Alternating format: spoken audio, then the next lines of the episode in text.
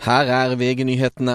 Sørgende som deltok i markeringene rundt Aleksej Navalnyjs begravelse i dag, vil bli ansvarliggjort, ifølge Putins talsperson. Og flere personer skal være arresterte, ifølge menneskerettsorganisasjoner. Deltakere i begravelsen ropte Navalnyjs navn og ting som Putin er en morder. Navalnyj lå i åpen kiste inne i kirka, og er nå fraktet videre til kirkegården. Reporter Miriam Alsvik. Politiet har rykket ut et boligstrøk i Lørenskog utenfor Oslo etter funn av en død person inne i en bolig, melder Romerikes Blad. Et område er avsperret, men politiet vet foreløpig ikke hva som har skjedd. Og En mann er hentet opp av vannet etter å ha falt over bord fra en fiskebåt utenfor Kabelvåg i Lofoten. Tilstanden er ikke kjent.